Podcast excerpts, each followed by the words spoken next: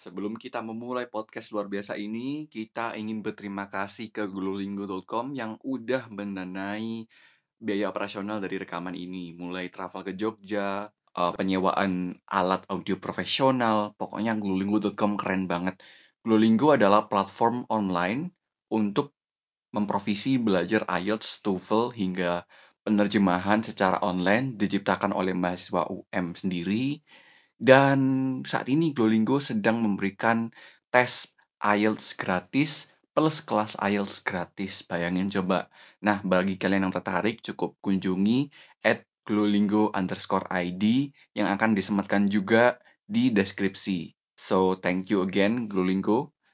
Mari kita mulai. Welcome again to Ima Press Podcast episode 7 dengan Sari Nurmayani, mahasiswi IPB dan UPI sekarang, betul ya? Iya, betul sekali. Ya, jadi sebelum kita membahas masalah topik yang berat ini, mari kita ngomong masalah casual deh, uh, Mbak. Mbak siapa aku enaknya manggilnya ya? Sari. Hmm. Oh iya, oke. Okay. Mbak Sari aja ya.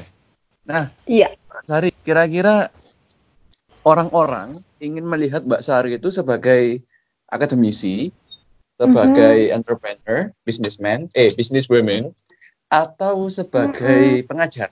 Karena di CV itu ada pengajar di beberapa sekolah, terus mm -hmm. entrepreneur juga di PT Green Green ya, PT Green? Iya, iya, iya. Aku manggilnya PT Green nggak apa-apa ya, karena panjang banget kalau nggak disingkat ya. Iya, nggak apa-apa. Oke, uh, Mbak Sari juga melakukan banyak sekali riset, mulai dari produk hortikultura hingga ini kayaknya ada unsur-unsur kimia-kimia juga ada ini. Nah, pokoknya banyak deh. Nah, kira-kira orang-orang ingin melihat Mbak Sari itu sebagai apa? Sebagai siapa gitu? Hmm, kalau saya sendiri nih ya, uh, saya sangat bercita-cita untuk jadi seorang entrepreneur. Nah, hmm. uh, caranya bagaimana? nah, salah satu caranya adalah melalui science gitu. Oh. Itulah kenapa di CV saya saya aktif melakukan riset gitu. Nah, di sisi lain, hobi saya yang lain adalah mengajar, sharing, berbagi. Karena menurut saya untuk sharing, untuk berbagi itu penting tidak hanya untuk uh, sharing ilmu yang kita miliki, tapi untuk memperoleh ilmu dan pengalaman lain dari orang lain yang kita temui. Oh, nah, sih. Uh, uh, itu juga yang saya dapat dari Universitas Pendidikan Indonesia. Saya ini sarjana pendidikan Laks. Jadi saya itu Oh iya, pendidikan teknologi agro agroindustri, agroindustri. Iya, betul betul. Jadi wow saya kuliah di pendidikan teknologi agroindustri. Nah, di situ tuh kita belajar tidak hanya pendidikannya saja, tidak hanya teknologi agroindustri, tapi mm-hmm. keduanya. Hmm. Kurikulumnya itu mengajarkan mengenai teknologi agroindustri dan sekelumitnya untuk kita menjadi praktisi. Untuk kita menjadi entrepreneur itu sudah paket komplit. Nah, kemudian kita juga dilengkapi dengan pengetahuan dari ilmu pendidikannya seperti psikologi hmm. pendidikan gitu, metode pembelajaran gitu. Dan itu adalah salah satu landasan kenapa Green itu selain merupakan sebuah perusahaan R&D di bidang agroindustri, hmm. juga kita mempunyai akademi yang namanya Green Academy gitu. Wow. Jadi kita ya, yeah. Green Academy itu tuh sisi edukasinya gitu. Oke. Okay. Mm. Jadi sebenarnya sebenarnya banyak sekali ya pemuda itu yang krisis identitas gitu. Aku enaknya jadi entrepreneur atau ikut jadi uh, apa ya? Guru. Jadi budak korporat gitu atau jadi akademisi yang mungkin lebih uh, lukratif gitu kan sekali pendanaan hibah riset itu ratusan juta gitu kan. Nah, ya. kira-kira Mbak Sari pernah nggak mikir kayak gitu? Apa namanya? Uh, apa namanya ya? Orang lain mengharuskan Mbak Sari untuk fokus saja ke satu hal tetapi Mbak Sari itu punya pendirian, ingin ketiga-tiganya gitu. Gima, uh, bagaimana Mbak Sari mengkontemplasikan semua itu untuk memilih ketiga-tiganya dan dikombinasikan, dikombinasikan jadi satu? Kira-kira challenge-nya juga apa kira-kira? Sebenarnya berangkat dari keinginan orang tua. Hmm. Beliau-beliau itu ingin saya jadi pendidik karena beliau juga uh, pendidik juga. Terus uh, kemudian uh, saya jelaskan bahwasannya menjadi pendidik itu tidak hanya harus di kelas, tidak hanya harus di lembaga pendidikan formal atau di perguruan tinggi, tapi banyak sekali untuk kita bisa mengaplikasikan ilmu, untuk kita berbagi ilmu.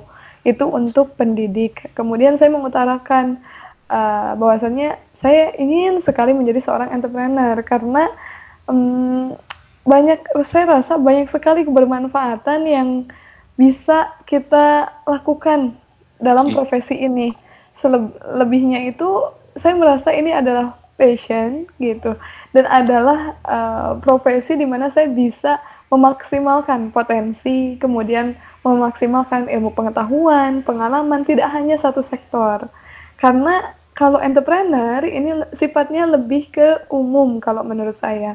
Meskipun tentu akan lebih fokus di bidang usahanya, tapi kita bisa menghadirkan usaha sambil mendidik, usaha sambil sharing ilmu gitu. Wow. ini bagian dari ICSR PT Green ya. Bagian dari corporate social yeah, iya. responsibility yeah. ini. Nah, kira-kira Mbak Sari ke depannya uh, visinya Mbak Sari itu akan selamanya jadi apa ya um, CEO Green Green ini PT Green atau mungkin ingin scale up gitu ke apa ya misalnya industri multinasional yang super besar gitu entah itu Nestle Quality Control atau di mana gitu kira-kira Mbak oh. ingin menekuni P PT Green hingga hingga sepanjang hayat atau ingin scale up mungkin di ke depannya punya visi kayak gitu nggak? Iya, tentu. Kalau namanya usaha ya, kita dengan sebuah brand. Uh, misal nih saya mengeluarkan brand green.id gitu ya. Nah, artinya itu uh, seperti bukan seperti kita memperlakukan oh itu babynya kita loh gitu kan. Itu harus kita urus sampai besar atau gimana. Kalau namanya berwirausaha kita harus pintar menganalisis bagaimana perkembangan perusahaan ini, kemudian bagaimana dampaknya terhadap lingkungan sosial, bagaimana dampaknya terhadap lingkungan alam gitu kan? Itu itu banyak sekali pertimbangannya sehingga kita memutuskan apakah akan tetap menggunakan PT ini atau akan tetap di sini apakah atau akan membangun yang baru atau men-scale up menjadi yang lebih baru, lebih besar lagi gitu itu banyak sekali sebenarnya analisisnya dan itu tidak jarang dilakukan oleh pengusaha. Kalau kemarin-kemarin kan melihat CEO-nya Bukalapak pun yang oh, iya. sudah lama dia uh, dalam brandnya, yeah. sekarang membuat yayasan. Tentu beda-beda itu visi yeah. visi pengusaha itu beda-beda. Kalau saya sendiri, uh, waktu saya di Green itu mungkin akan selama kalau visi misi uh, tim itu masih tetap sama, yakni mengusung fair business practice untuk semua stakeholder, tidak hanya untuk tim tapi untuk seluruh mitra kami, gitu. Hmm. Selama bottom line itu masih oke, okay, masih terjaga, saya tetap di situ dan akan men-scale up, kemudian mengembangkan itu dengan semangat, dengan gelora talent muda gitu, sesuai wow. dengan gelora, gelora rumah Indonesia ya kan. Oke. Okay. Nah itu Jadi kayaknya, akan. Hmm. Kayaknya uh, aku belum dapat abstraksi sih. Kira-kira PT Green hmm. ini fokus menjual komoditas apa specifically hmm. and bisnis iya. modelnya ini gimana jalannya berjalannya ini mekanisme jalannya bisnis bisnis model PT Green ini soalnya belum dapat hmm. abstraksi kalau Green itu sebenarnya kita R&D enterprise yang okay. dia fokus di integrated agriculture. Nah, ada tiga pilar usaha kami, yaitu yang pertama itu di sisi agronomi atau peningkatan produksi. Nah, kemudian yang kedua itu ada di agroindustrinya, kita buat produk dari komoditas hasil pertanian tadi. Jadi, uh, untuk awal-awal itu kita fokus di rempah, hanya kita tidak menjual komoditas stok, komoditas uh, mentah, tapi kita mengolah itu untuk meningkatkan edit value-nya. Misalkan nih, mm -mm, dari satu rempah, dari kunyit, yang biasanya kunyit masuk ke pasar tradisional itu dengan harga 25.000 per kilogram itu pun sudah melalui perjalanan yang panjang dari tengkulak 1, tengkulak 2, tengkulak 3 hingga sampai pasar gitu kan. Bisa jadi harga yang diterima petani itu jauh lebih rendah dari itu. Sedangkan itu tidak sebanding dengan perjuangan mereka menanam. Makanya kita ada agroindustrinya untuk mengolah hasil pertanian tersebut jadi produk yang bernilai tambah. Contoh yang kita produksi ada essential oil, kemudian oleo resin, pure powdernya, terus kita juga ada artisan blended tea. Nah, yang ketiga itu adalah agroedukasi. Kalau agroedukasi kita ada workshop, training, kemudian internship dari SMK, dari kampus, itu adalah wahana kita untuk berbagi dengan generasi muda mengenai bagaimana caranya untuk menganalisis sebuah komoditas hasil pertanian ini bisa dijadikan apa ya. Kemudian jika dijadikan usaha, itu usahanya akan seperti apa ya, brandnya bagaimana, pengolahannya bagaimana. Itu pokoknya dalam uh, acara internship itu yang selama 1 sampai 3 bulan anak-anak atau mahasiswa itu diajarkan untuk um, membuat produk sendiri untuk R&D sendiri yang mana nanti si hasil R&D-nya itu bisa jadi digunakan untuk pilot project kita. Contohnya ada pilot project kita dengan Garuda Food. Uh, kita concern di pengolahan hasil uh, pengolahan limbah, pengolahan limbah susu dan biskuit menggunakan BSF. Nah itu adalah salah satu kerjasama kami dengan uh, mahasiswa yang magang awalnya gitu. Hmm. I see. Nah, berarti untuk di sum up, uh, PT Green hmm. ini berfokus ke agroindustri, R&D iya. dan agro uh, edukasi, edukasi gitu ya. Iya, wow, betul mantap. Mantap. Kebetulan barusan ini ada Q&A yang masuk. Ada hmm. kepala sekolah yang menawari kerjasama untuk menanam hidroponik untuk ke ke kemandirian pangan pondok ini. Ini tapi tapi kepala sekolahnya itu ada di Kabupaten Malang gitu kayaknya oh. ini masih iya mungkin nanti bisa sharing-sharing nanti aku kasih nomornya ya wow ini iya, cuman-cuman iya. ini oke mbak kita Jadi, mm, kebetulan kalau ke... yang seperti itu hmm? ada juga Laks maaf sorry apa tadi Iya, kalau kerja sama seperti itu insya Allah memungkinkan karena kita ada beberapa sekolah juga yang kita settingkan labnya, kemudian wow. Itulah hidroponiknya. Tapi oh, mungkin nanti setelah ini kita bisa follow up lagi. Iya, berarti human resources-nya sampai itu banyak banget ya. Karena ini orangnya minta instalasi hidroponik ini. Siap, siap, insya Allah. Oke okay, guys, jadi um, Mbak Sari, sebelum kita masuk lebih dalam, ada lagi abstraksi nih. Sebenarnya Mbak Sari itu orang PKM dan Mopres loh, pernah dapat dana hibah Pimnas, eh dan hibah PKM dan menang mau pres gitu. Nah, kira-kira yeah. sebelum kita masuk ke lebih serius nih ke dunia dewasa, kira-kira ikut PKM atau ikut Pilmapres itu memiliki yeah. signifikansi nggak Mbak untuk kehidupan Mbak sekarang? Um, tentu iya. Hmm. PKM, kemudian di UPI sendiri, uh, universitas itu menyediakan grant untuk penelitian. Hmm. Dan dosen-dosen saya itu sangat suportif untuk mengarahkan mahasiswanya untuk aktif meneliti gitu. Nah, ini dampaknya kalau bagi saya sendiri satu jadi lebih kritis terhadap uh, permasalahan yang ada, kemudian lebih peka dari permasalahan tersebut itu bagaimana kita menyelesaikan.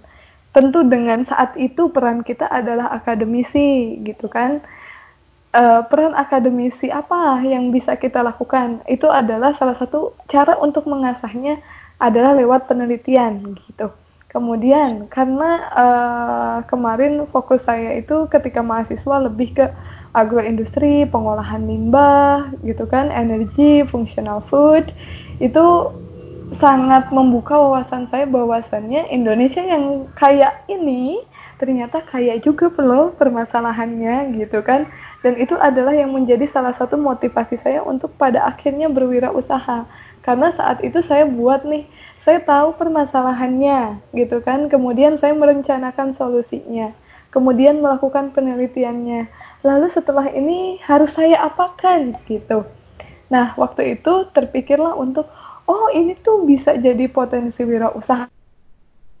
Ya ternyata apalagi setelah saya mengikuti praktik industri kenal bagaimana sistem industri itu gitu kan. Kemudian melingkan antara hasil penelitian dengan praktik kerja di industri harus seperti apa dan akhirnya terlahirlah motivasi untuk berwirausaha gitu. Wow.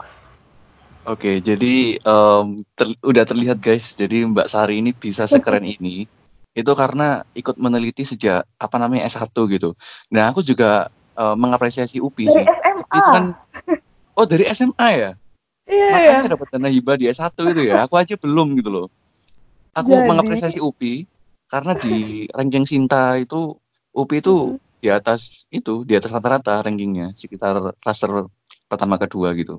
Nah, oh ternyata ini ya sangat mengapresiasi mahasiswa S1 untuk men meneliti. Nah, Mbak Mbak Sari juga bisa gini karena ikut apa namanya PKM juga guys. Nah dari situ mm. Mbak Sari itu bisa kritis gitu, terutama pas jadi mapres juga yang mengerti isu-isu sosial. Kayaknya kombinasi akademisi itu itu ya Mbak. Sangat uh, sangat matching dengan menjadi bisnismen gitu. Kan bisnismen harus melihat permasalahan pasar gitu dan mengambil ceruk pasar market share gitu. Kan uh, industri juga perlu R&D untuk selalu apa namanya upgrade produk gitu. Kayaknya emang untuk menjadi entrepreneur itu tidak selalu harus ikut BMC model ikut bisnis plan aja ya mbak ya. Tapi juga meneliti gitu ya. Hmm, kalau model saya begini lah. Misal nih, uh, kita tahu nih ya, salah satunya saya contohkan tentang gelatin ya.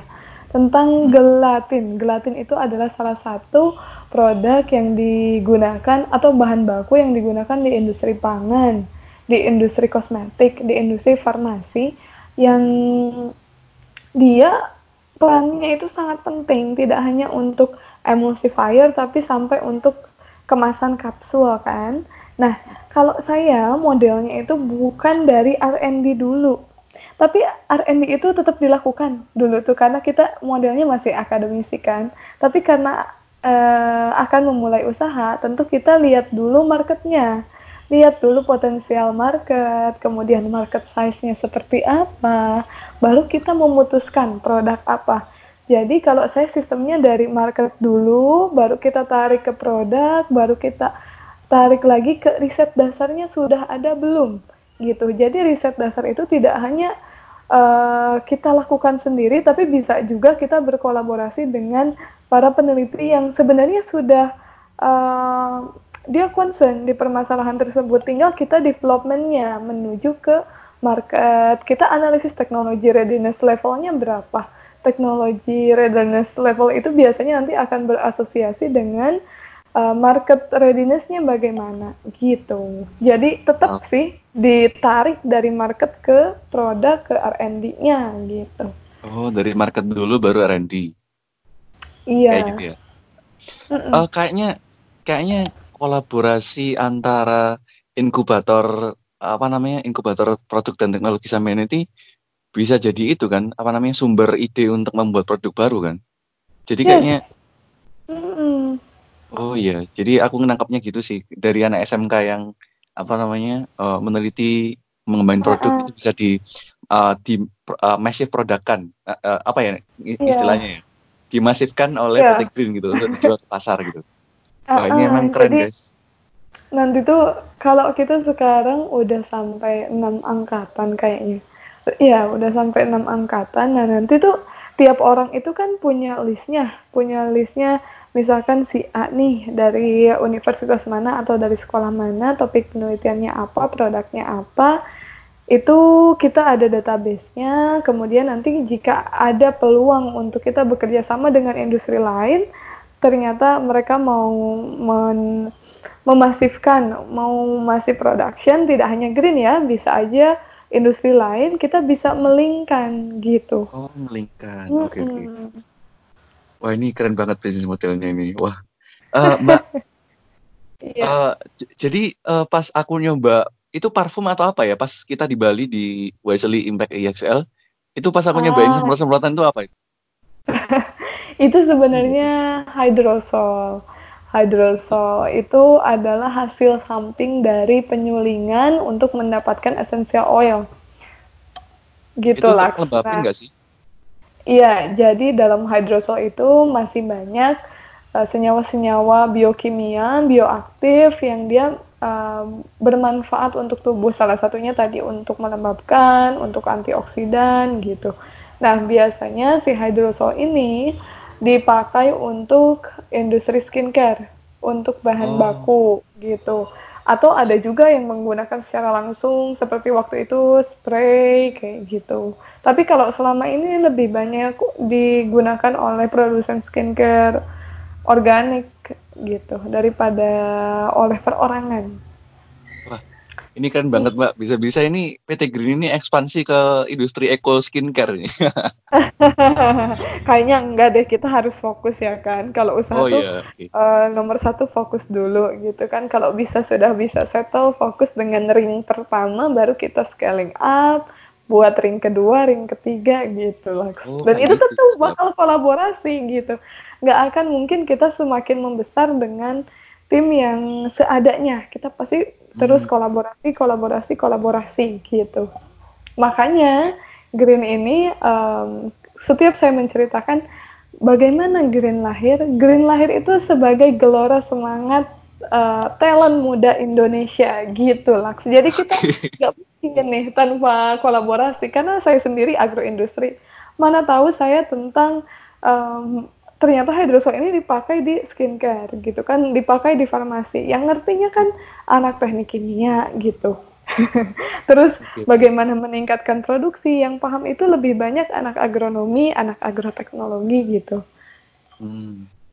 Tapi uh, untuk ngerekrut apa namanya ngerekrut expertise itu kan juga bisa lewat akademinya mbak gitu dari hmm. anak SMK yang apa namanya masih belajar mbak kan bisa apa namanya ngeliat track record dia gitu kan mungkin. Yeah. kan kayaknya kayaknya nih uh, skincare itu kan udah mulai apa ya udah mulai merambah luas di milenial nih kepingin wajah-wajah glowy kan.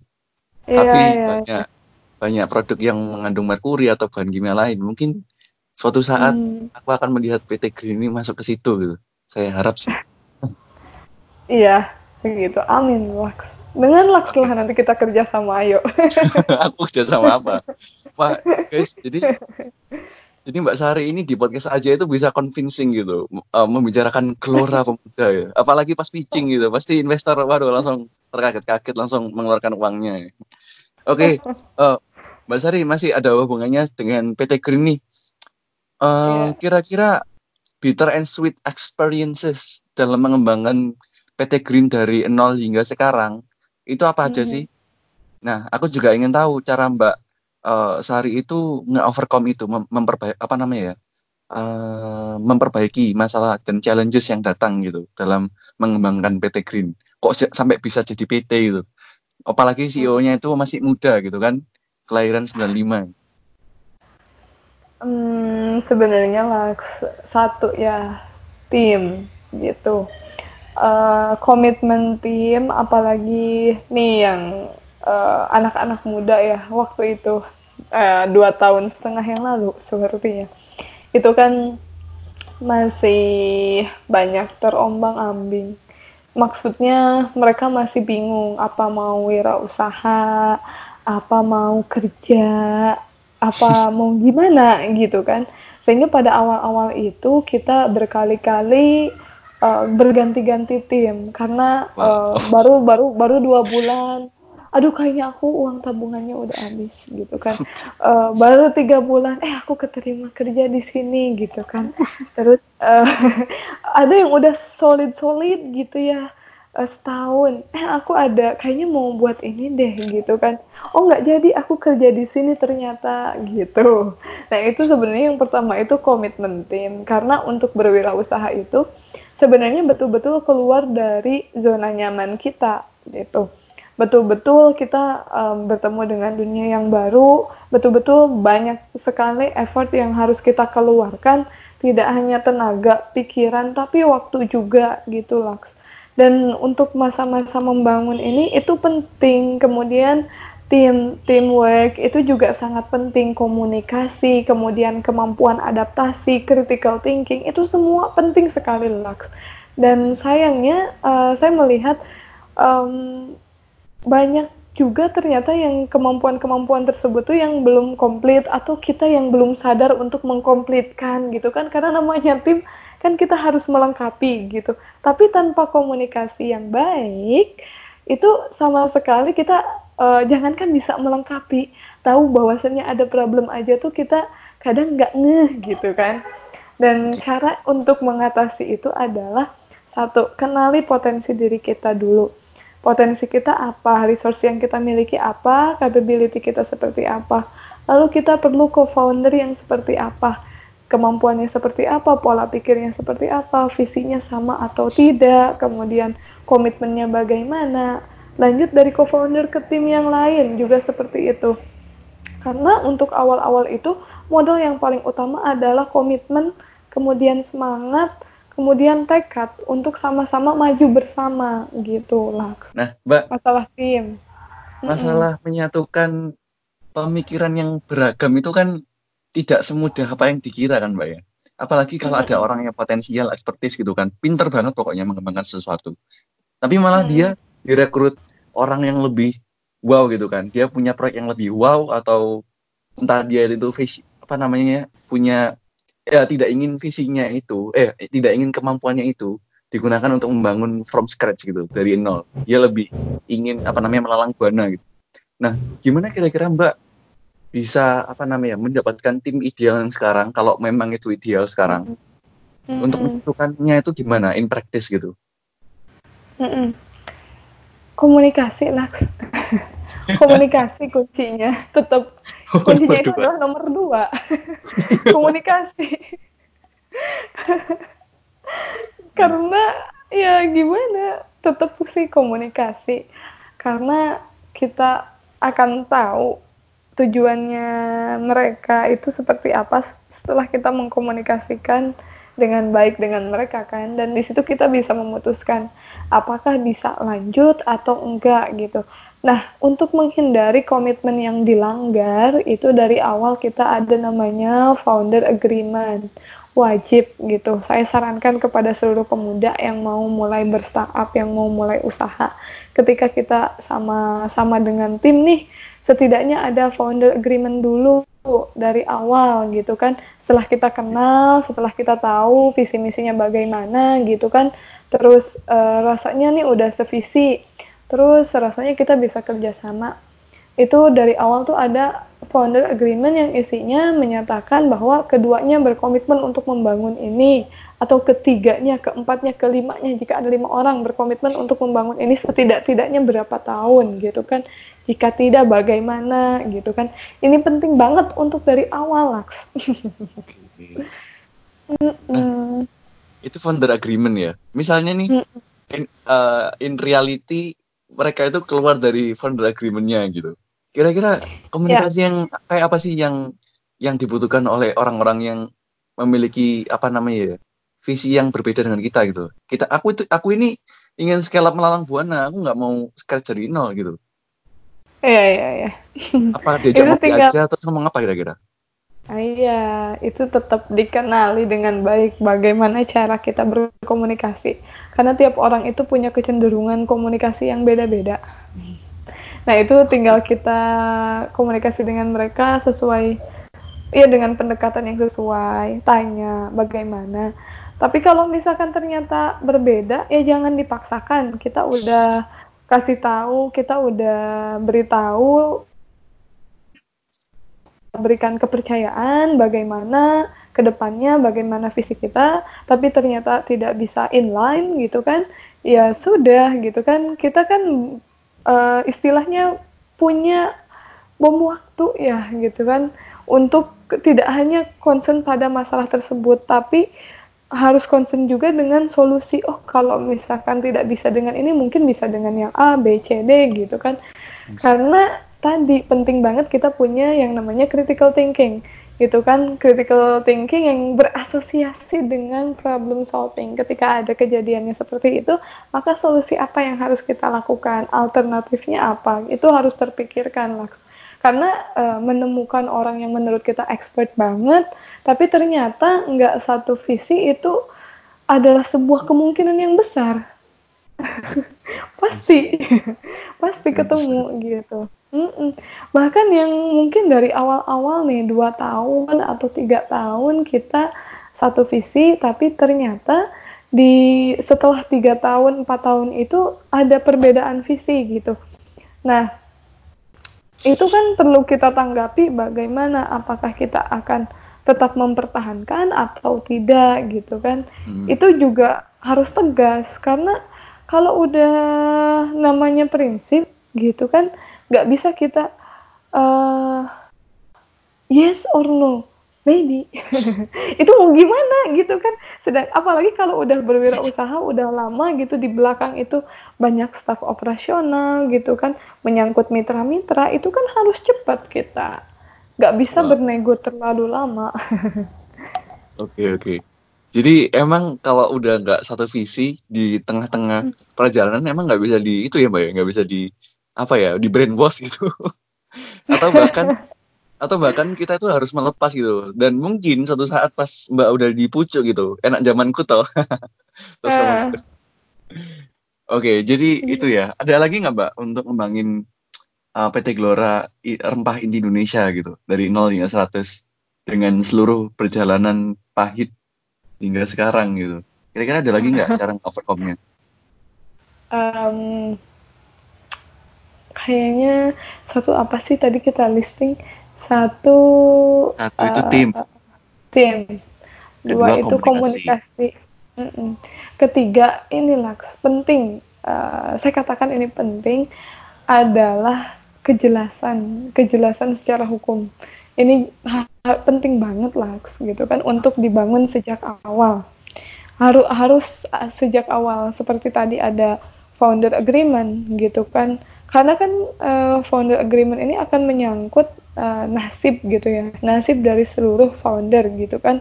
Ini bakal kayak gimana ke depannya? Kemudian yang kedua ketika uh, mendirikan sebuah badan hukum seperti PT CV itu harus sangat jelas pemegang modalnya itu siapa, pemegang share-nya itu siapa, bagaimana kontribusinya akan seperti apa, itu harus sangat jelas lah di awal saya sarankan sebelum apa-apa, sebelum masuk ke badan hukum itu semua harus jelas. Komitmen tim, uh, pemegang share, karena uh, namanya kita mau buat badan hukum, tentu itu bakal bersinggungan sekali dengan hukum. Dan namanya nanti kalau kita usaha kita nih ya uh, besar gitu kan, terus uh, tapi di awal itu kita sama sekali lupa lupa terhadap dokumen-dokumen tersebut mungkin hmm. kita tergerus gitu kan dan itu sangat disayangkan sekali kalau sampai kejadian demikian nih sampai sampai paten produk paten brand itu penting banget didefinisikan dari awal gitu Laks sehingga nanti pada saat sudah berkembang itu kita tidak kehilangan hak kita gitu kan sebagai founder ya itu penting Laks. Jadi satu tim, kedua komunikasi, ketiga adalah uh, kesepakatan di mata um di mata hukum kali ya Laks ya. Kalau kita mau buat PT gitu kan, karena tentu startup itu tidak uh, mungkin tidak mau ya, pada tidak mau untuk hanya memiliki sebuah startup yang namanya saja gitu kan, pasti kita perlu badan hukum untuk partnership dengan corporate kayak gitu untuk perdagangan itu perlu dan itu harus didefinisikan dari awal Laks. Iya. Berarti hmm. PT itu sangat kritikal ya, nggak hanya uh, membeli nama tetapi di persyaratannya itu banyak sekali perjanjian antara founder gitu. Nah, iya. Kira-kira ini Laks. Simple. KTP NPWP gitu udah selesai Laks KTP NPWP udah selesai tapi di balik itu ada founder agreement ada pemegang share ada ADART itu wajib sekali saya wajibkan ya untuk uh, yang nanti akan bergerak di bidang usaha berstartup jangan sampai mengabaikan sisi legal harus tahu meskipun aduh saya bukan lulusan hukum. Aduh saya nggak tahu. Jangan pernah seperti itu. Harus tahu karena itu kamu akan bergerak di sana gitu. Saya wanti-wanti oh, iya. sekali. Berarti badan hukum di sisi lain tuh bisa juga menjadi apa ya branding ya mbak? Maksudnya nilai jual gitu. Saat kita mau kerjasama skill up itu kan kalau nggak ada CV atau PT kan kamu siapa gitu kan ya? Nah terus terus dari uh, menurut mbak nih uh, usaha yang ideal untuk mulai mendaftarkan CV itu di bulan apa sih? Kan kadang-kadang di awal-awal pembentukan PT uh, Green ini kan uh-huh. foundernya kan berganti-ganti. Iya. uh, uh, uh. kira-kira mulai mulai mengurus CV dan PT itu idealnya itu kalau udah apa sih keadaan di dalam organisasi itu? Urusan itu. Beda-beda sebenarnya beda-beda. Kalau hmm. misalkan dari awal kalau dari awal merasa timnya udah sepakat udah satu visi itu bisa banget dari awal gitu kan? Atau mungkin butuh dulu waktu berjuang nih gitu ya. Setahun atau dua tahun atau enam bulan bahkan gitu. Baru kita daftarkan gitu. Bisa juga itu sebenarnya tergantung kondisi timnya dan tergantung ini uh, dengan siapa mereka akan bekerja sama karena beberapa partner kerjasama kayak tadi yang saya sebutkan corporate kayak gitu apalagi yang berkaitan dengan ekspor impor nah itu biasanya membutuhkan badan hukum. Meskipun kalau sekarang ekspor impor bisa diakali dengan adanya forwarder gitu kan. Tapi oh. kalau misalkan kita punya perusahaan sendiri itu kita legal secara hukum ketika melakukan transaksi apa pun. Dan itu umum aman aman. Maksudnya itu aman okay. untuk kita bertransaksi gitu tapi pajaknya segede segede apa itu pak kalau udah PT itu kayaknya pajaknya Mau menakutkan? Uh, enggak, sebenarnya untuk PT itu ada ini ada beberapa macam. Ada PT mikro, ada PT kecil gitu kan. Terus ada aturannya juga bahwasannya PT untuk omset yang masih kurang dari berapa ya 5 miliar kalau nggak salah per tahun itu masih 5% Lux Oh, I see, I see, I see. Jadi 5% dari total itu ya? 0,5 total ya, sebentar, sebentar. 0,5 persen, Max. 5 persen ya? 0,5. Oh, 0,5. Wow, iya. kecil banget. Eh, iya, iya, lumayan, lumayan, lumayan, lumayan kecil ya? Iya. Oke. Okay. Jadi okay, sebenarnya kita nggak usah khawatir dengan pajak. Jadi hmm. kan pajak itu sebenarnya kita laporkan sendiri kita laporkan sendiri laporan uh, ada SPT-nya SPT tahunan kita isi kemudian kita laporkan berapa omset kita tahun ini sehingga kita bisa menentukan kira-kira dari omset seperti itu kita berapa pajak yang harus kita bayarkan gitu sih wah ini ini keren banget ini. Uh, kita belajar ekonomi guys. Kita nggak bahas agroindustri lagi ini. Tapi ya sangat berkaitan gitu ya karena karena ini agroindustri yeah. gitu. Nah mbak uh, ada lagi nggak kira-kira poin? Better and speed experiences gitu PT Green. Selain tiga tadi. Pertama kita ketemu dengan banyak orang dari berbagai sudut pandang dari berbagai organisasi. Dan itu tentu uh, sangat memperkaya wawasan Laks terutama kita yang berangkat dari sisi akademisi gitu ya saat kuliah gitu kan kita sangat kurius sekali dengan materi yang disampaikan dosen, dengan penelitian, dengan program-program seminar-seminar dan ketika berwirausaha ternyata kita tidak sama sekali kehilangan itu Laks. Ketika kita datang dari satu forum ke forum lain, selalu banyak ilmu yang kita dapat dan itu adalah salah satu hal yang membuat saya senang di Green ID ini karena saya dapat banyak insight dari berbagai sudut pandang dan satu uh, menjadikan pengalaman yang sangat berharga. Kemudian kedua, uh, saya bisa mengambil hikmah dari setiap cerita eh, orang-orang uh, yang saya temui. Kemudian yang, yang ketiga membuka peluang wirausaha baru gitu kan, membuka peluang-peluang baru tidak hanya wirausaha tapi bisa juga riset, kerjasama yang lain. Itu membuka peluang karena betul ya dalam Islam kita ada kalau kita giat bersilaturahmi gitu bersil nah itu kita buka kerjasama buka rezeki nah itulah yang yeah. saya suka dari bertemu dengan banyak orang dan berkolaborasi kemudian yang kedua adalah ketiga mbak. Oh gitu ya? Yang yeah. ketiga? Iya orang baru. Yang ketiga. Terus sharing ekonomi itu memberikan kesempatan untuk orang-orang yang ingin uh, memulai. Terus? Iya terus yang ketiga itu adalah tadi seperti Lux mention gitu kan uh, saya ke mana saya uh, pergi ke daerah baru gitu kan. Yeah. ke Jepang ke mana ke Singapura kayak gitu. Ke negara yang lain terus bahkan ada kesempatan ekspor ke luar ke Eropa gitu kan. Ah wow. itu ini Lux apa uh, sebenarnya satu bisa untuk personal experience juga untuk portfolio perusahaan juga manfaat lah manfaat kita manfaat kita tuh lebih luas lagi kalau begitu. Jadi bener-bener go beyond gitu kan. Di luar dari yang kita rencanakan awalnya. Karena yeah, yeah. itu kekuatan kolaborasi Laks. Karena kadang tuh ya kita nggak tahu bahwasannya nih kita uh, saya sama Laks nih ya hmm. ketemu di Bali. Nah, selain kita ketemu di Bali itu, kita kan ketemu dengan banyak orang juga nih ya. Uh, yeah. uh, nah, termasuk salah satu yang membuka untuk uh, eh, EPVN ke EPVN Jepang, yeah. yang gitu Mas kan Tomo ya. Coba. Foundation. Uh, uh, uh. Silakan dong Mbak, gimana Mbak bisa ke Jepang dengan bantuan Mas Tomo dari Jepang di Bali? Jadi gini ceritanya. Waktu itu kan kita uh, di Bali itu ikut Wisely program ya Lux untuk yeah. uh, uh, EXL Impact ya itu untuk ecopreneurship gitu kan. Dan uh, Tomosan itu adalah salah satu pemateri ya okay. dia dari the Earth Company gitu kan.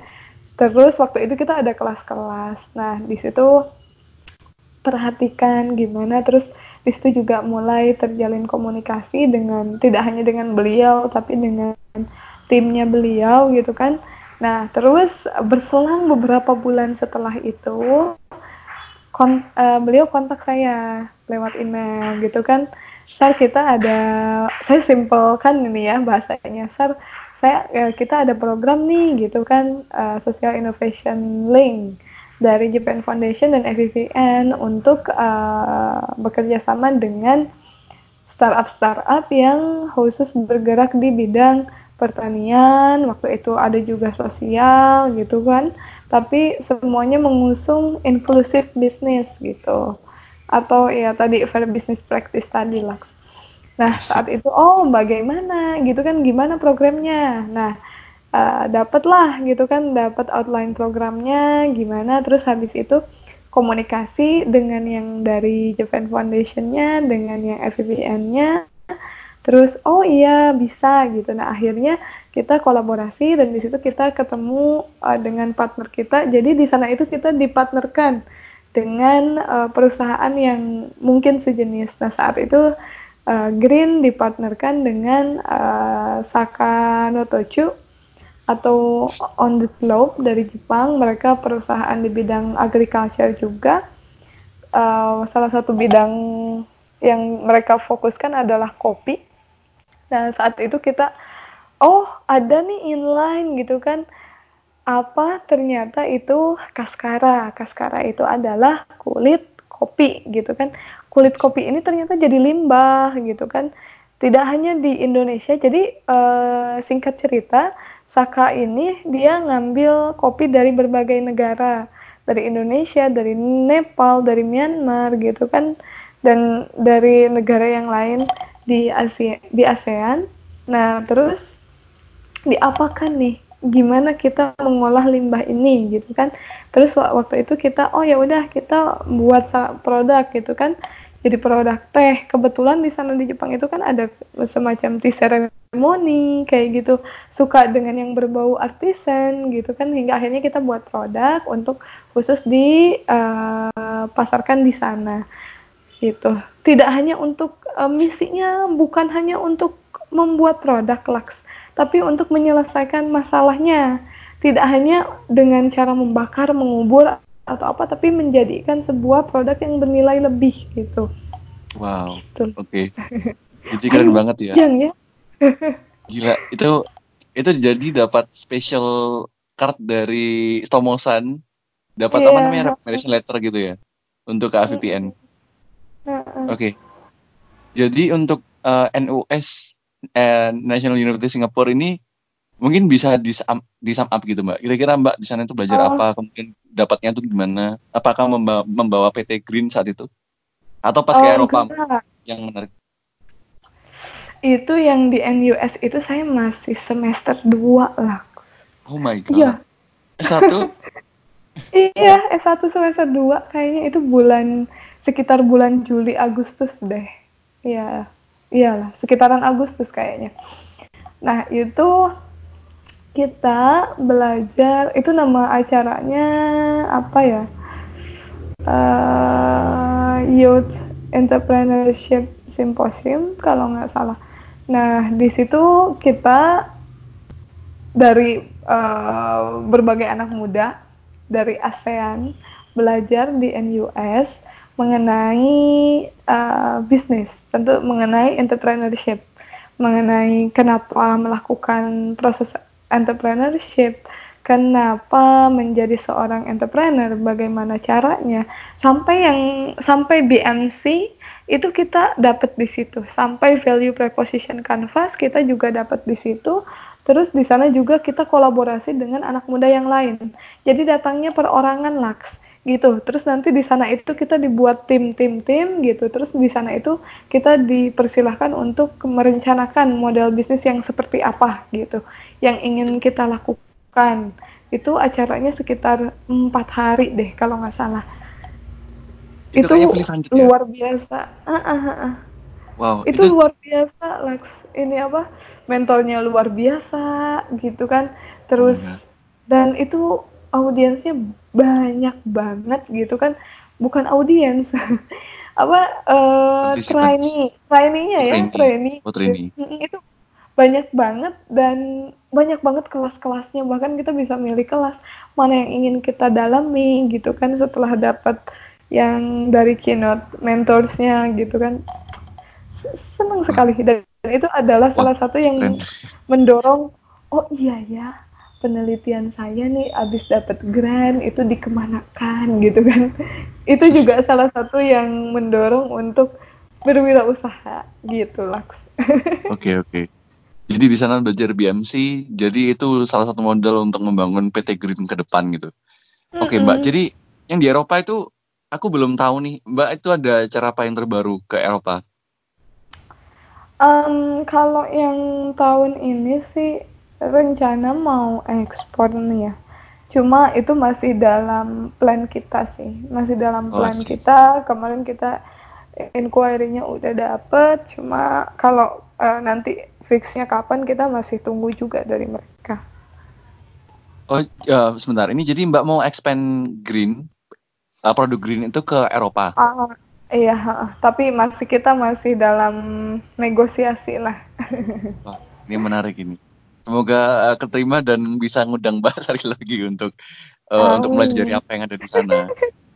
Kan aku tertarik banget sama senior-senior yang melalang uh, misalnya ke Australia terus jualan produknya pitching di depan investor dan calon itu apa namanya? calon kolaborator gitu. Nah, itu kan Suka salah satu Lux. yang menarik. Apa? iya, Lux. Saya melihat Lux sangat berpotensi sekali dan saya aduh saya iri gitu Laks. Di usia saya saat dulu semuda Laks itu Bisa saya iri. ngapain ya? Oh my god. Rendahnya iya, loh ter terlaluan. Iya, bukan Laks. Saya, saya waktu itu mm, ingat waktu di Bali itu saya banyak komunikasi sama Laks gitu kan. Cuma sayangnya di dua hari terakhir gitu kan. Dan saya ingat banget semangat kamu kayak gimana. Terus tidak hanya uh, komunikasi tapi pemikiran kamu bagaimana, cara kamu develop produk, kemudian cara kamu berinteraksi sama kita-kita yang udah jauh lebih tua gitu ya. Aduh mantap sekali Laks. Terus uh, aku um, masih ingat sekali ketika kita recording gitu kan, recording video untuk kamu, eh untuk Oh kita, iya. untuk kita juga saat itu. Iya, sampean juga apa namanya membuka acara pakai video gitu ya. Sangat Iya, disruptif. waktu itu. Oke, itu memorable sekali. Jadi itu ini hampir satu jam, tapi baru satu jam. Nah, kira-kira kita akan masuk ke membicarakan isu-isu nih mbak, isu-isu terkini, biar biar keren Iya, gitu iya. bicaranya kan. Siap, siap, Eh, siap. kan ada dua isu yang paling menarik ya. Satu itu Bulog yang membuang berasnya, membuang telurnya gitu kan, dihancurkan gitu. Dengan alasan oh gudangnya itu udah lama di gudang gitu. Terus Iya. yang kedua itu nanti masalah defisit manpower di uh, you know, manpower dari kaum milenial untuk mengisi agroindustri, entah itu pertanian atau pengolahannya. Nah, ya Hmm. kira-kira mau bicara yang mana dulu nih? Nanti disambungin sama subtopiknya sampean gitu. Hmm. Kita bicara dulu tentang bulog kali ya. Oh iya, bulog-bulog. Nah, Mbak, kira-kira bulog itu kok bisa sampai gitu sih? Kok bisa sampai membuang beras? Selain karena apa namanya kebanyakan impor tuh apa sih di perut causes-nya itu? Sampai bisa gitu?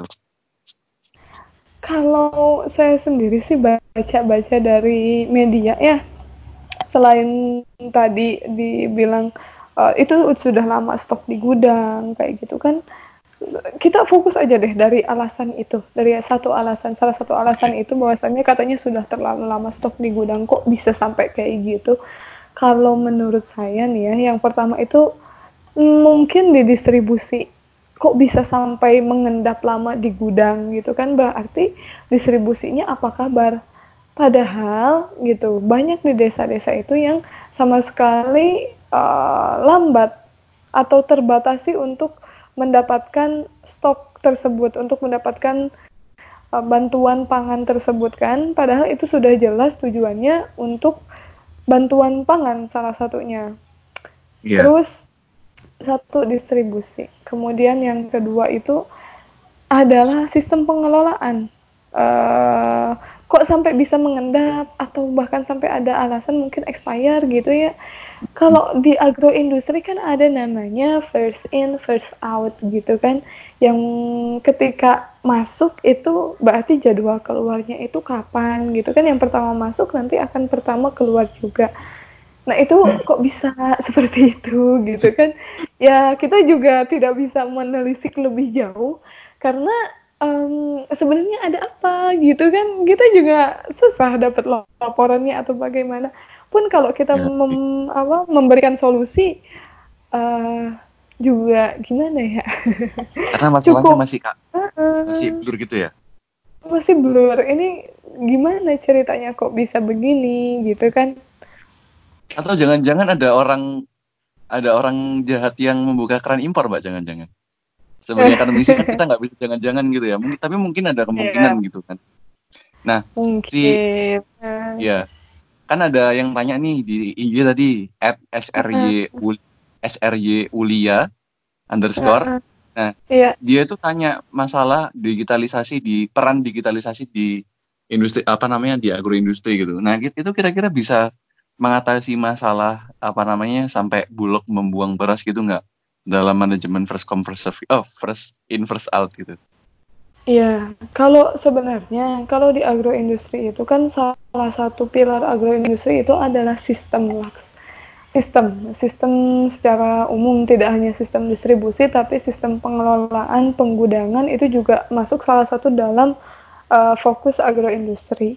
Nah, Si. untuk digitalisasi sendiri sebenarnya banyak ya swasta yang udah melakukan digitalisasi tadi, uh, memanfaatkan teknologi digital untuk memantau secara real time stok produk dari gudang, kemudian distribusinya ke mana, itu sudah sangat terdukung sekali gitu. Apalagi sekarang uh, ada teknologi IoT, bahkan nanti Hmm. bisa juga dengan kita sistem tracking, ya tracingnya itu mungkin bisa dikaitkan dengan blockchain, penggunaan blockchain, sistem blockchain Oh. yang diadaptasi gitu kan Iya iya. uh, yang diadaptasi untuk masuk ke agroindustri salah satunya untuk di sistem tadi mengelola dari saat mulai uh, bahan baku masuk kemudian proses sampai ke penggudangan, dari penggudangan sampai distribusi itu sebenarnya dengan teknologi digital itu sangat bisa sekali Laks terdetek dari mana bahan baku ini datang sampai jadi produk apa, kemudian keluarnya kapan dan ke mana, itu sebenarnya sangat Wah. bisa sekali. Dan Indonesia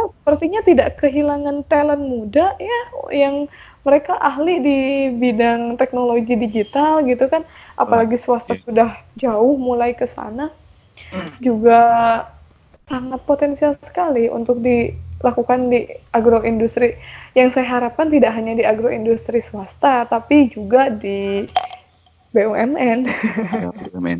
Nah, aku kan tadi melihat kata-kata blockchain di apa namanya di penelitiannya sampean nih.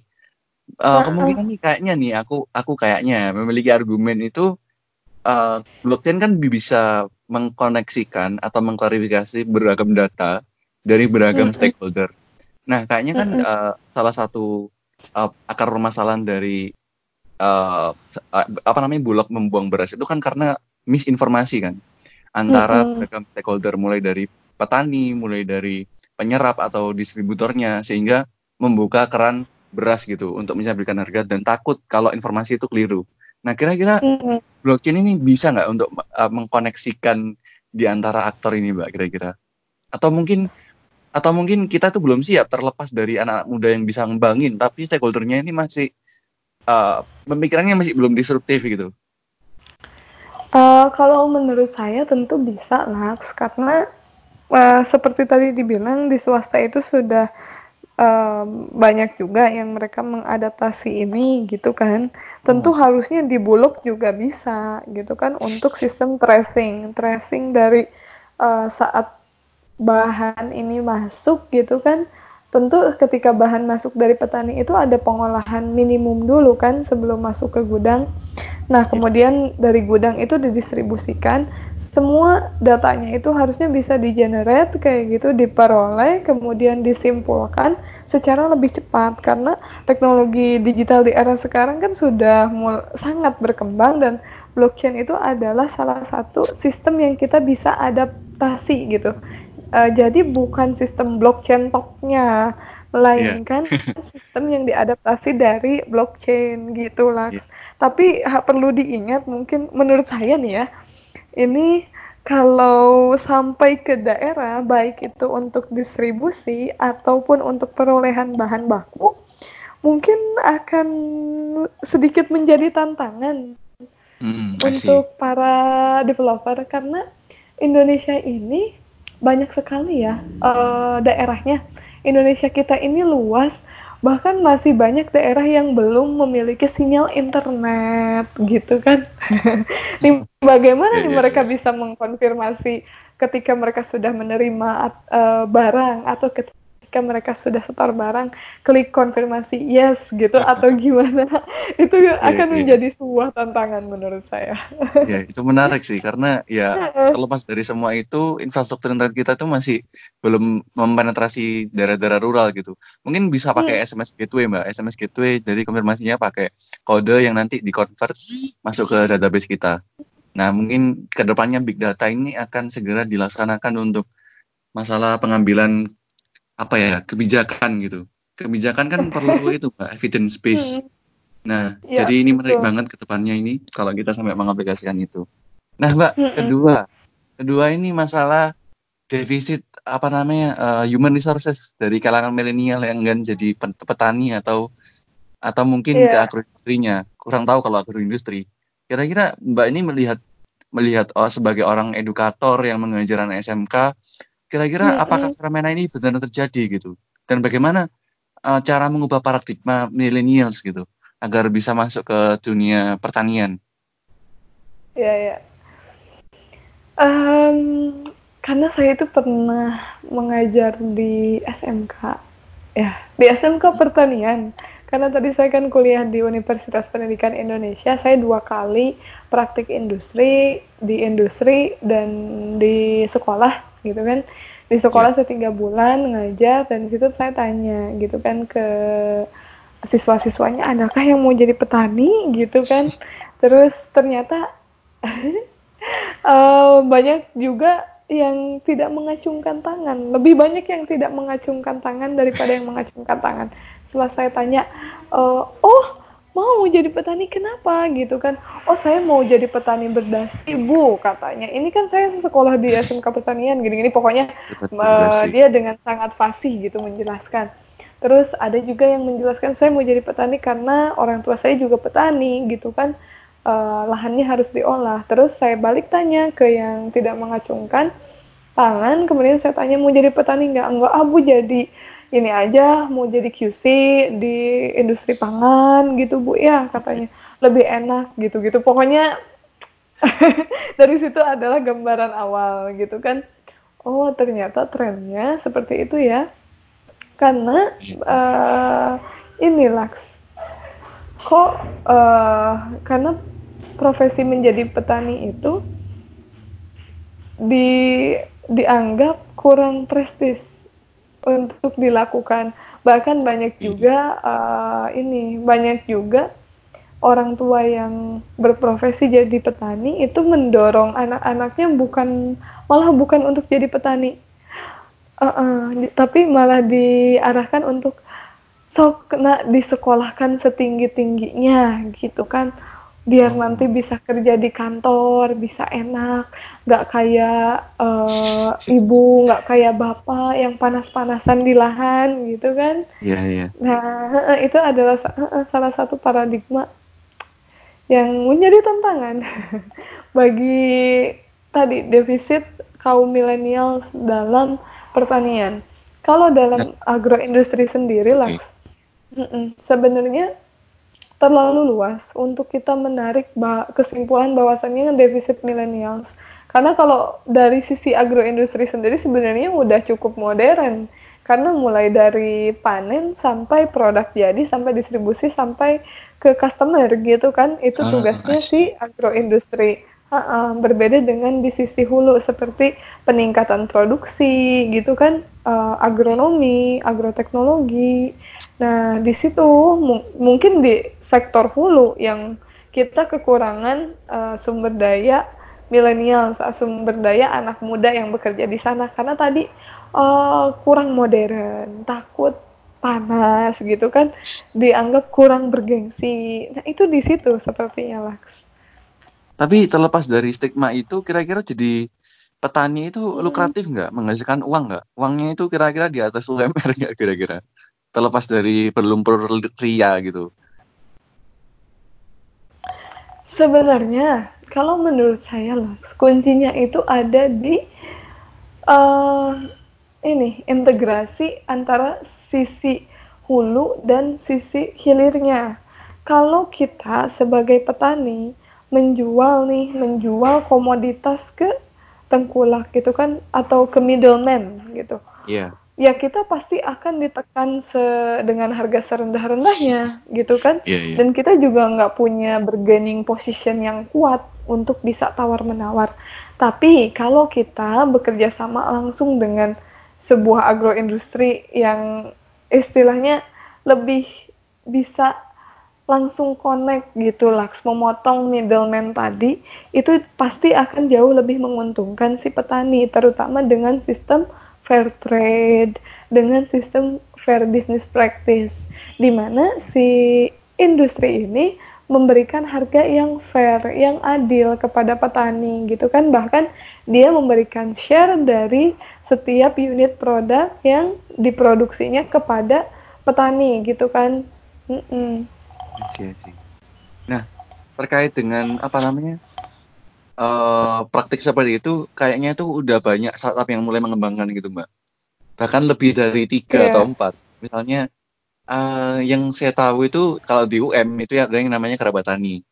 Tetapi kalau yang sudah yeah. melalang buana itu aku lupa namanya itu entah itu tani apa ya entah green apa gitu aku lupa. Nah itu kan uh, misi mereka itu menghubungkan antara eh menghilangkan middleman atau tengkulak gitu kan tetapi yeah. saat kita berbicara masalah mm -hmm. sharing ekonomi, kita kan ingin mensejahterakan yeah. banyak orang.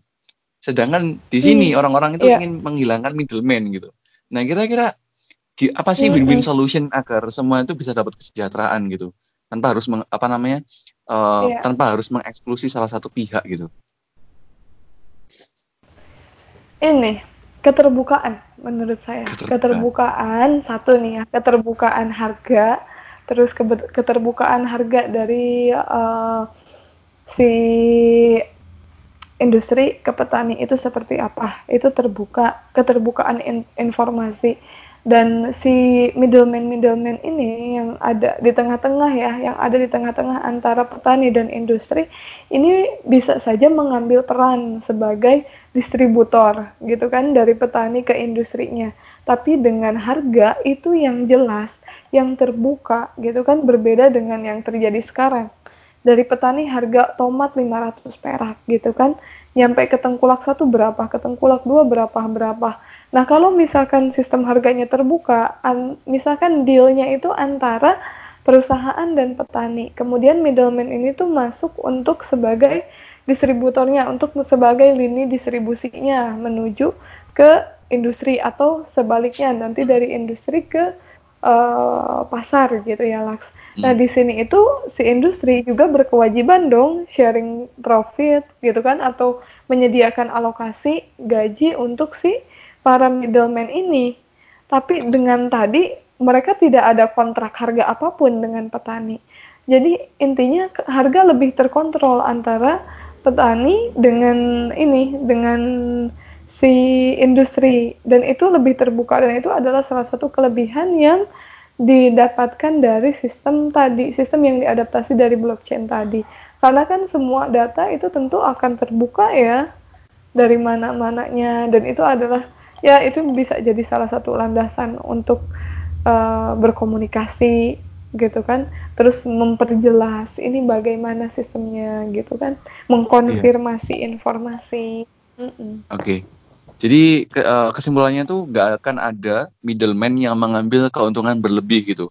Apalagi multiple middleman. Iya. Tipe tengkulak gitu.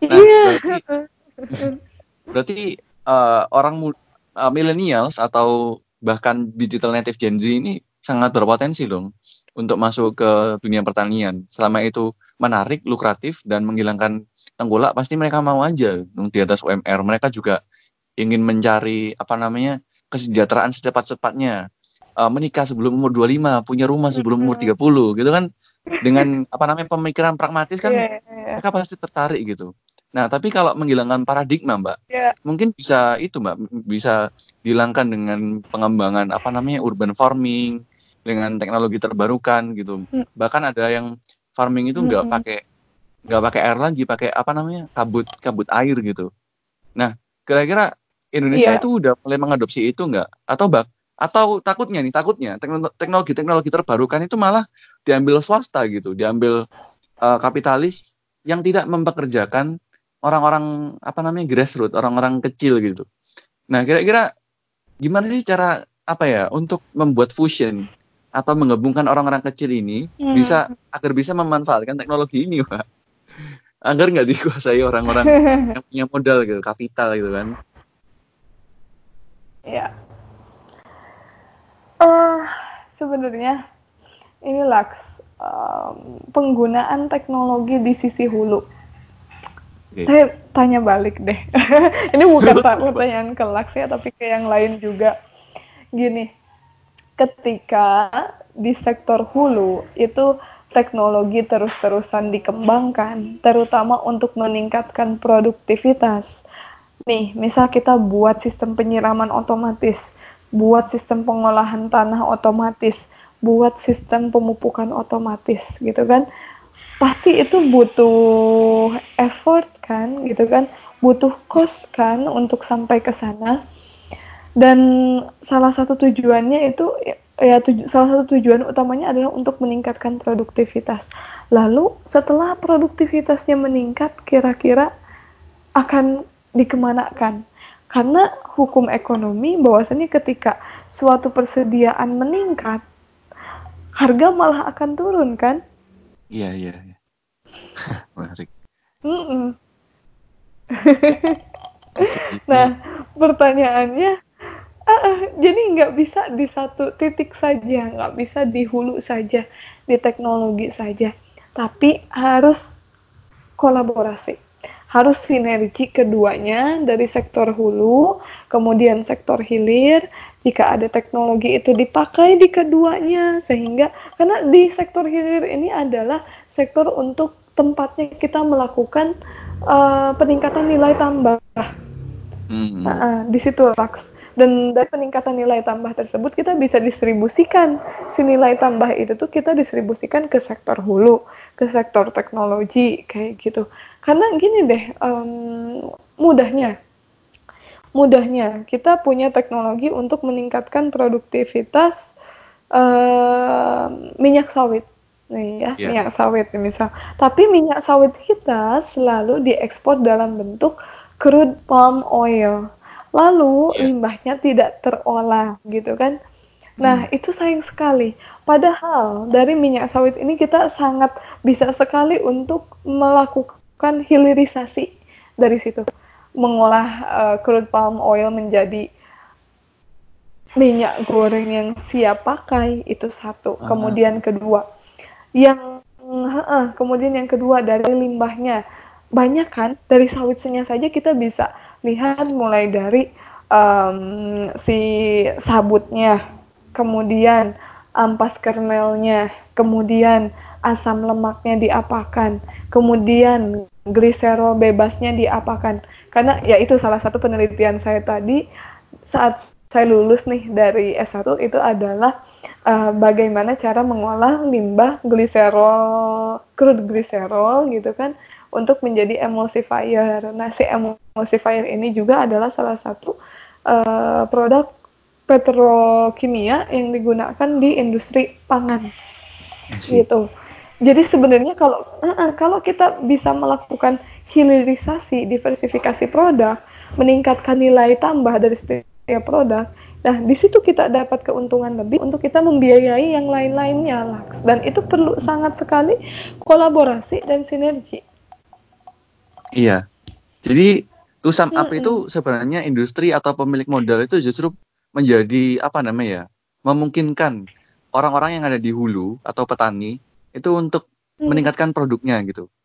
Nah, kayak misalnya gini ya Mbak ya, iya. industri ngasih modal berupa teknologi atau pelatihan untuk petani untuk meningkatkan uh, quality controlnya agar produknya itu langsung bisa masuk ke industrinya gitu sesuai dengan ekspektasi industri.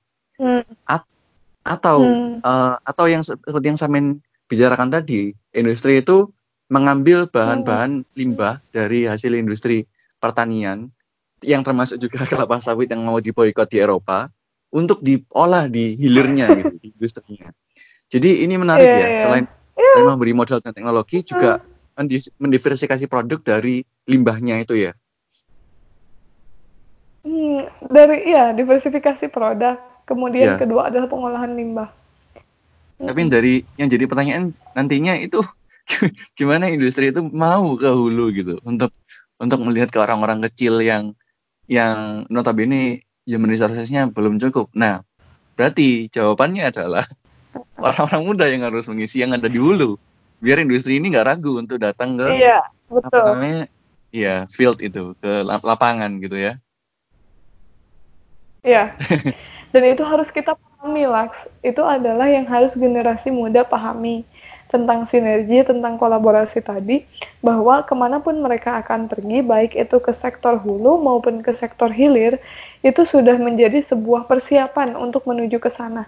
Nah, misalkan sekarang, betul kata Laks, uh, sekarang kita generasi muda masuk ke sektor hulunya, karena di sektor hilir kan udah settle nih ya. Tapi hmm. percaya dong, nanti pasti ada regenerasi pasti orang muda saat inilah yang nanti akan menduduki di sana kan yang senior senior kita pegang yep. Iya. sekarang.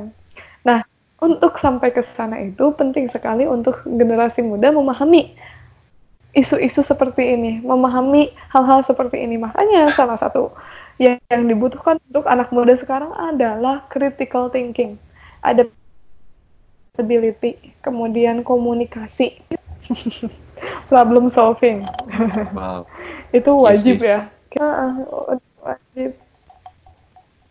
Jadi untuk mendapatkan set skill tadi ya harus uh, ikut-ikut uh, kayak iya. misalnya PKM, ikut Press, ikut tiba penelitian guys. Jadi Basar itu adalah contoh model yang udah settle lah yang bisa kamu uh, contoh dari podcast ini. Nah, Nah, jadi menarik banget Mbak. Ini uh, kita udah berbicara satu jam 17 menit lebih. Uh, tepatnya satu jam 22 menit. Keras ya sih. Podcast terpanjang ini, wah, sangar.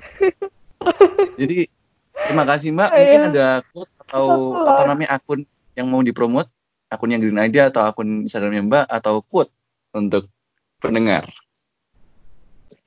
Iya, kalau untuk pendengar uh, satu ya sustainable agriculture yang mengintegrasikan agronomi, agroindustri dan agribisnis adalah solusi jangka panjang bagi kelangsungan peradaban manusia.